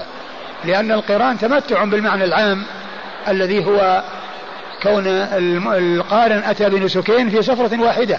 فيشمل المتمتع ويشمل القارن. ويشمل القارن أي كل منهما يكون عليه هدي وهو ما استيسر من الهدي. وإذا فالنبي عليه الصلاة والسلام نحر مئة آه، كان معه مئة من, مئة من وقد نحر بيده الشريفة ثلاثا وستين ونحر علي علي الباقي. نعم. اللهم إني أهل بما أهل به رسول الله صلى الله عليه وسلم. نعم. علي رضي الله عنه أراد أن يقتدي بالرسول صلى الله عليه وسلم وهو لا يعرف إهلال الرسول. فأراد أن يهل بإهلاله وقال اللهم أن يهل بما أهل به. والنبي صلى الله عليه وسلم كان قد ساق الهدي وهو نفسه ساق الهدي. إذا هو قارن يصير. يعني آل أمره وانتهى أمره إلى أن إهلاله يكون مثل إهلال النبي صلى الله عليه وسلم لأنه قد ساق الهدي. لكن لو لم يسق الهدي يكون أهل بما أهل به النبي صلى الله عليه وسلم وهو القران ولكنه يفسخ إلى عمرة. لأن النبي صلى الله عليه وسلم قال كل من لم يسق الهدي أي من القارين والمفردين يتحولون إلى عمرة. أسأل الله إليك أن الإهلال المبهم يعني بعض الناس يصل إلى مكة فيسأل أنت في أي نسك؟ هل أنت مفرد أو قارن متمتع؟ يقول أنا ما أدري أنا جاي أحج بس. يعني يعني يمكن يقول أنا جئت للحج ولكنه يعني ما يعرف إيش ال إيش ال ال إيش ال المعين. أقول يصح مثل هذا ولكنه يصرف إلى ما هو الأفضل الذي هو الأمر الذي هو التمتع يعني تحلل إذا طاف ساعة نعم يطوف يسعى ويتحلل نعم. لأنه مثل كل من لم يسق الهدي هذا شأنه. كل من لم يسق الهدي هذا شأنه. فلما كان يوم التروية ووجهوا إلى منى أهلوا بالحج. فلما كان يوم التروية الذي هو اليوم الثامن من شهر ذي الحجة وتوجهوا إلى منى أهلوا بالحج يعني الذين كانوا حلوا الذين كانوا قد أحلوا وهم المتمتعين من الأصل والذين كانوا قارنين ومفردين وتحولوا إلى عمرة هؤلاء أهلوا يوم التروية أي دخلوا في الحج. وأما الذين كانوا على إحرامهم فقد بقوا وهم النبي صلى الله عليه وسلم الذي كان معه الهدي. النبي صلى الله عليه وسلم ما أهل باق على إحرامه عليه الصلاة والسلام. وكل من ساق الهدي باق على إحرامه. والذين كانوا متحللين أحرموا بالحج في اليوم الثامن. نعم. إهلال يكون في المكان. في المكان اللي ينزل فيه الإنسان. المكان الذي ينزل فيه الإنسان والذين كانوا نازلين مع النبي صلى الله عليه وسلم في الأبطح أحرموا من الأبطح. وأهل مكة الذين يريدون الحج يحرمون من منازلهم. ولو كان الإنسان نازلا في منى قبل يوم ثمانية يحرم من منزله في منى. لا يلزمه أن يأتي إلى مكة ويحرم منها ثم يذهب إلى منى. بل يجوز له أن يحرم من منى من منزله. نعم. كما تعلمون أنه يوجد أناس لابد يطوف يطوفوا يوم ثمانية. لا ليس لأحد أن يطوف للإحرام للإحلال وللإحرام. يعني كون الإنسان يريد أن يدخل في الإحرام يذهب ويطوف ليس له ذلك. و وليس هناك طواف عند الإحرام وإنما عند الإحرام الإنسان آه، آه، ينوي الإحرام ثم يذهب إلى إلى منى من منزله. لا يذهب إلى البيت ولا يطوف به ولا يحرم من هناك وإنما يحرم من منزله كما فعل رسول الله صلى الله عليه وسلم. فركب رسول الله صلى الله عليه وآله وسلم فصلى بمنى الظهر والعصر والمغرب والعشاء والصبح. وذهب النبي صلى الله عليه وسلم ضحى إلى منى من الأبطح ونزل في منى وصلى فيها خمسة أوقات الظهر والعصر والمغرب والعشاء والفجر. وهذه سنة فعلها رسول الله صلى الله عليه وسلم. وليس يعني بواجب من تركه ليس عليه شيء ولكن الأولى والأفضل للإنسان أن يأتي بهذا الذي جاء به جاء عن الرسول الكريم صلوات الله وسلامه وبركاته عليه بأن يصلي الظهر بمنى وهو محرم فيصلي الصلوات الخمس في منى. نعم. جمع قصر. قصرا وبدون جمع كما فعل رسول الله عليه الصلاة والسلام. كل صلاة يصليها في وقتها الرباعية مقصورة بدون أن يجمع بين صلاتين. وأهل مكة. وأهل مكة حكمهم حكم الحجاج. يفعلون كما يفعل الحجاج لأن النبي صلى الله عليه وسلم ما قال لأهل مكة أتموا فإن قوم سفر وقد قال ذلك لهم وهو في وهو عند الكعبة. وإنما لما صلى بهم وقال أتموا فإن قوم سفر في منى ما قال لهم ذلك. ويصلي معه الحجاج من أهل مكة ومن غير أهل مكة. وليس هذا سفر لا يقال أن هذا سفر وإنما هذا من أجل النسك. بالنسبة لأهل مكة. وأما بالنسبة للحجاج هم مسافرون. ثم مكث قليلا حتى ولهذا لو أن إنسانا ذهب إلى منى أو ذهب إلى عرفات في غير الحج وليس يعني ما ما يقال إنه يقصر ولا ما يقال إنه يقصر لأن هذا ليس بسفر. ولكن بالنسبة للحجاج لهم أن يقصروا لأن النبي صلى الله عليه وسلم صلى بالناس ومعهم أهل مكة ولم يقل آه إن قوم سفر مثل ما قال ذلك وهو في وهو عند الكعبة صلى الله عليه وسلم. نعم. ثم مكث قليلا حتى طلعت الشمس وأمر بقبة له من شعر فضربت بنمرة ومكث قليلا يعني بعد صلاة الفجر حتى طلعت الشمس دل هذا على أن السنة أن الناس ينطلقون من منى إلى مزدلفة إلى إلى عرفة أنه بعد طلوع الشمس وأمر بقبة له من شعر فضربت بنمرة فسار رسول الله صلى الله عليه وآله وسلم. ولا تشك قريش أن رسول الله صلى الله عليه وآله وسلم واقف عند المشعر الحرام بالمزدلفة كما كانت قريش تصنع في الجاهلية. والرسول صلى الله عليه وسلم أمر بقبة يعني خيمة من شعر فنصبت في نمرة. ونمرة على قريبة من من عرفة وليست في عرفة. قريبة من عرفة. و وكانت قريش آآ آآ لا تشك. نعم. لا تشك. لا تشك أنه يقف أنه لا يتجاوز مزدلفة وأنه يقف بها وهو الموقف الذي كانت تقف به قريش في الجاهلية. وذلك أنهم تميزوا عن الناس وأرادوا أن يتميزوا عن الناس الناس يقفون بعرفة وهم يقفون بالحرم بمزدلفة ويقول نحن أهل الحرم فلا نخرج من الحرم. فكانوا يقفون وآخر ما يصلون مزدلفة وينصرفون منها ولا يقفون بعرفة. وكان الناس في الجاهلية يقفون بعرفة وهو الميراث الذي جاء عن إبراهيم الخليل عليه الصلاة والسلام. فتجاوز وذهب إلى عرفة. ولهذا جاء, جاء في القرآن ثم أفيضوا من حيث أفاض الناس يعني عموم الناس وليس الذي أحدثته قريش وأتت به قريش. وأنهم يقفون في المزدلفة ولا يتجاوزونها ويقولون عنهم عنهم أنهم أهل الحرم وأنهم لا يخرجون من الحرم. بل آه، الشريعة جاءت يعني بالوقوف ال ال هذا الذي كان موجودا يعني في الجاهلية ومعمولا به في الجاهلية أنه من الوقوف بعرفة أن هذا هو الحق وأن ما أحدثته قريش من الوقوف أو الاقتصار على الوقوف بمزدلفة دون الذهاب إلى عرفة أن هذا أمر محدث والنبي صلى الله عليه وسلم تجاوز وذهب إلى عرفة. صلوات الله وسلامه وبركاته عليه. فأجاز رسول الله صلى الله عليه وآله وسلم حتى أتى عرفة فوجد القبة قد ضربت له بنمرة فنزل بها حتى إذا زاغت الشمس أمر بالقصواء فرحلت له. ثم أن النبي صلى الله عليه وسلم نزل في هذه القبة التي ضربت له بنمرة وهي قريبة من عرفة. ثم آه، يعني عندما يعني جاء وقت الصلاة وقد جاء وقت الزوال آه، يعني أمر براحلته فرحلت نعم. فركب حتى أتى بطن الوادي. فأتى بطن الوادي اللي هو وادي عرنة. نعم. فخطب الناس فقال إن دي إن دماءكم وأموالكم عليكم حرام كحرمة يومكم هذا في شهركم هذا في بلدكم هذا. النبي صلى الله عليه وسلم صلى بالناس في ذلك الوادي آه، جمعا وقصرا صلى الظهر والعصر جمعا في أول وقت الظهر وقصر كل من الصلاتين الظهر والعصر صلى الظهر ركعتين وصلى العصر ركعتين وخطب الناس قبل الصلاة. خطبة بين فيها كثير من الأمور التي بينها لهم صلوات الله وسلامه وبركاته عليه. وهي يعني فيها أمور عامة. نعم. فقال إن دماءكم وأموالكم عليكم حرام كحرمة يومكم هذا في شهركم هذا في بلدكم هذا. إن دماءكم يعني مما, مما اشتملت عليه الخطبة في ذلك الموقف العظيم إن دماءكم وأموالكم عليكم حرام.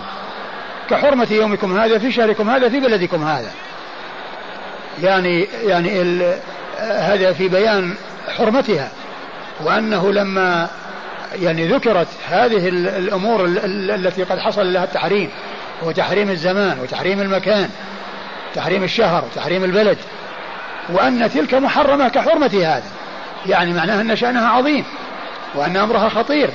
وأنه يجب الابتعاد عن سفك الدماء وأخذ الأموال و وكذلك انتهاك الأعراض وأنها محرمة كحرمة أو كهذا التحريم الذي حصل آه، للزمان والمكان في أن مكة بلد حرام والشهر شهر حرام. نعم. ألا إن كل شيء من أمر الجاهلية تحت قدمي موضوع. ألا إن كل شيء من أمر الجاهلية تحت قدمي موضوع. يعني أنه لا يتشبث بالأمور التي كانت في الجاهلية. يعني من الأمور التي كانوا يتعاملون بها والإسلام جاء وفي وفيه الربا وفيه ال يعني أمور كانوا وفيه الدماء وفيه يعني أمور يعني يتعلقون بها. فالنبي صلى الله عليه وسلم ألغاها وأبطلها. وقال يعني إنها إنها موضوعة. قال إيش؟ قال إن كل شيء من أمر الجاهلية إن كل شيء من أمر الجاهلية تحت قدمي يعني معناه إنه قد طرح وقد ألغي وقد أبطل. نعم. ودماء الجاهلية موضوعة وأول دم أضعه دم دماؤنا دم قال عثمان دم ابن ربيعة وقال سليمان دم ربيعة بن الحارث بن عبد المطلب. نعم. وقال بعض هؤلاء كان مسترضعا في بني سعد فقتلته هذيل. وقال إن دماء الجاهلية موضوعة. يعني الأشياء التقاتل والمطالبة بالدماء التي كانت بينهم في الجاهلية موضوعة. خلاص الإسلام جاء والجاهلية انتهت بما فيها من شر وجاء هذا الخير فلا يتشبث أحد بشيء كان في الجاهلية. فهي موضوعة. قال وأول يعني شيء أضعه وأول شيء نعم. أول دم أضعه دماؤنا. وأول شيء أضعه دماؤنا.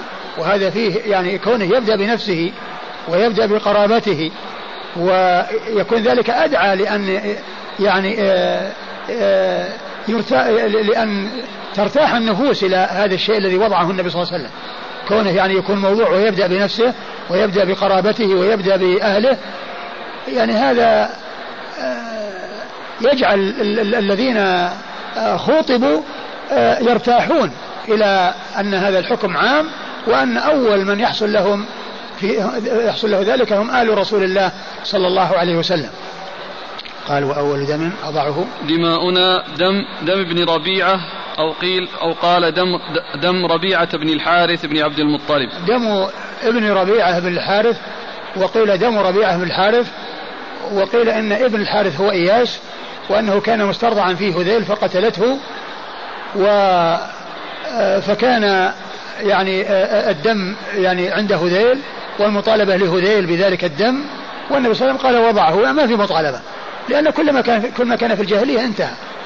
يعني بعد ذلك جاء الإسلام وتأتي الأحكام تبعا لما يقع في الإسلام. نعم. وربا الجاهلية موضوع. وكذلك ربا الجاهلية موضوع الربا والمرابات التي كانت بين الناس وأن هذا عنده لهذا كذا وأن هذا عنده كذا هو موضوع. يعني ما حد يطالب أحد بشيء يعني من الربا. نعم. وأول ربا أضعه ربانا ربا عباس بن عبد المطلب. وأول ربا أضعه ربانا ربا عباس بن المطلب. وهذا مثل الذي قبله. أيضا بدء يعني بالتخلص يعني من الشيء الذي يتعلق بأهله وقرابته صلى الله عليه وسلم. فإنه موضوع كله. نعم. واتقوا الله في النساء فإنكم أخذتموهن بأمانة الله واستحللتم فروجهن بكلمة الله. ثم أوصى بالنساء خيرا وذلك لضعفهن فقال فاتقوا الله في النساء فإنكم أخذتموهن بأمانة الله واستحللتم فروجهن بكلمة الله. فاتقوا الله تعالى فيهن لأنكم آه، تزوجتم وحصل الزواج إنما هو بشرع الله. وهن أمانات عندكم. فعليكم أن تقوموا برعاية هذه الأمانة وعدم الإضرار بهن وعدم الإساءة إليهن وإنما تحسنون إليهن وتعاملون وتعاشرونهن بالمعروف. وتعاملونهن بالمعروف. نعم. وإن لكم عليهن ألا يوطئن فرشكم أحدا تكرهونه. وإن لكم عليهن ألا يطئن فرشكم أحدا تكرهونه يعني أن أنه آآ آآ ليس المقصود من هذا وطئ الفرش أنه يعني ما يتعلق بالزنا. فإن هذا أمر خطير ولا يكتفى فيه بالضرب المبرح الذي أرشد إليه النبي صلى الله عليه وسلم. وإنما يعني ذلك يعني في ما يتعلق بما كان معروفا في الجاهلية من أن المرأة آه، كانت تكلم الرجل وتتحدث مع الرجل مع بعد مع البعد عن الريبة. ولكن الإسلام يعني جاء يعني بمنع ذلك وجاء بالحجاب وجاء بعدم خلوة الرجل بالمرأة الأجنبية وأنه لا يخلو, رجل من امرأة إلا وكان الشيطان ثالثهما. وأنه إذا حصل شيء يعني من هذا الذي هو يعني لا يليق ولا ينبغي فإنكم تؤدبونهن. التأديب الذي هو ضرب غير مبرح. ولكن ليس المقصود من ذلك إطاء الفرش يعني فيما يتعلق بالزنا ويتعلق بالفاحشة ليس الأمر كذلك. لأن ذاك له حكم يخصه إما الرجم وإما الجلد. وأيضا يعني لا يبقي الإنسان على المرأة التي تكون عاهرة أو تكون آه زانية. نعم. فإن فعلن فاضربوه فاضربوهن ضربا غير مبرح. نعم. ولهن عليكم رزقهن وكسوتهن بالمعروف. و يعني من حقهن عليكم أن ترزقوهن وتكسوهن بالمعروف. نعم. وإني قد تركت فيكم ما لن تضلوا بعده إن اعتصمتم به.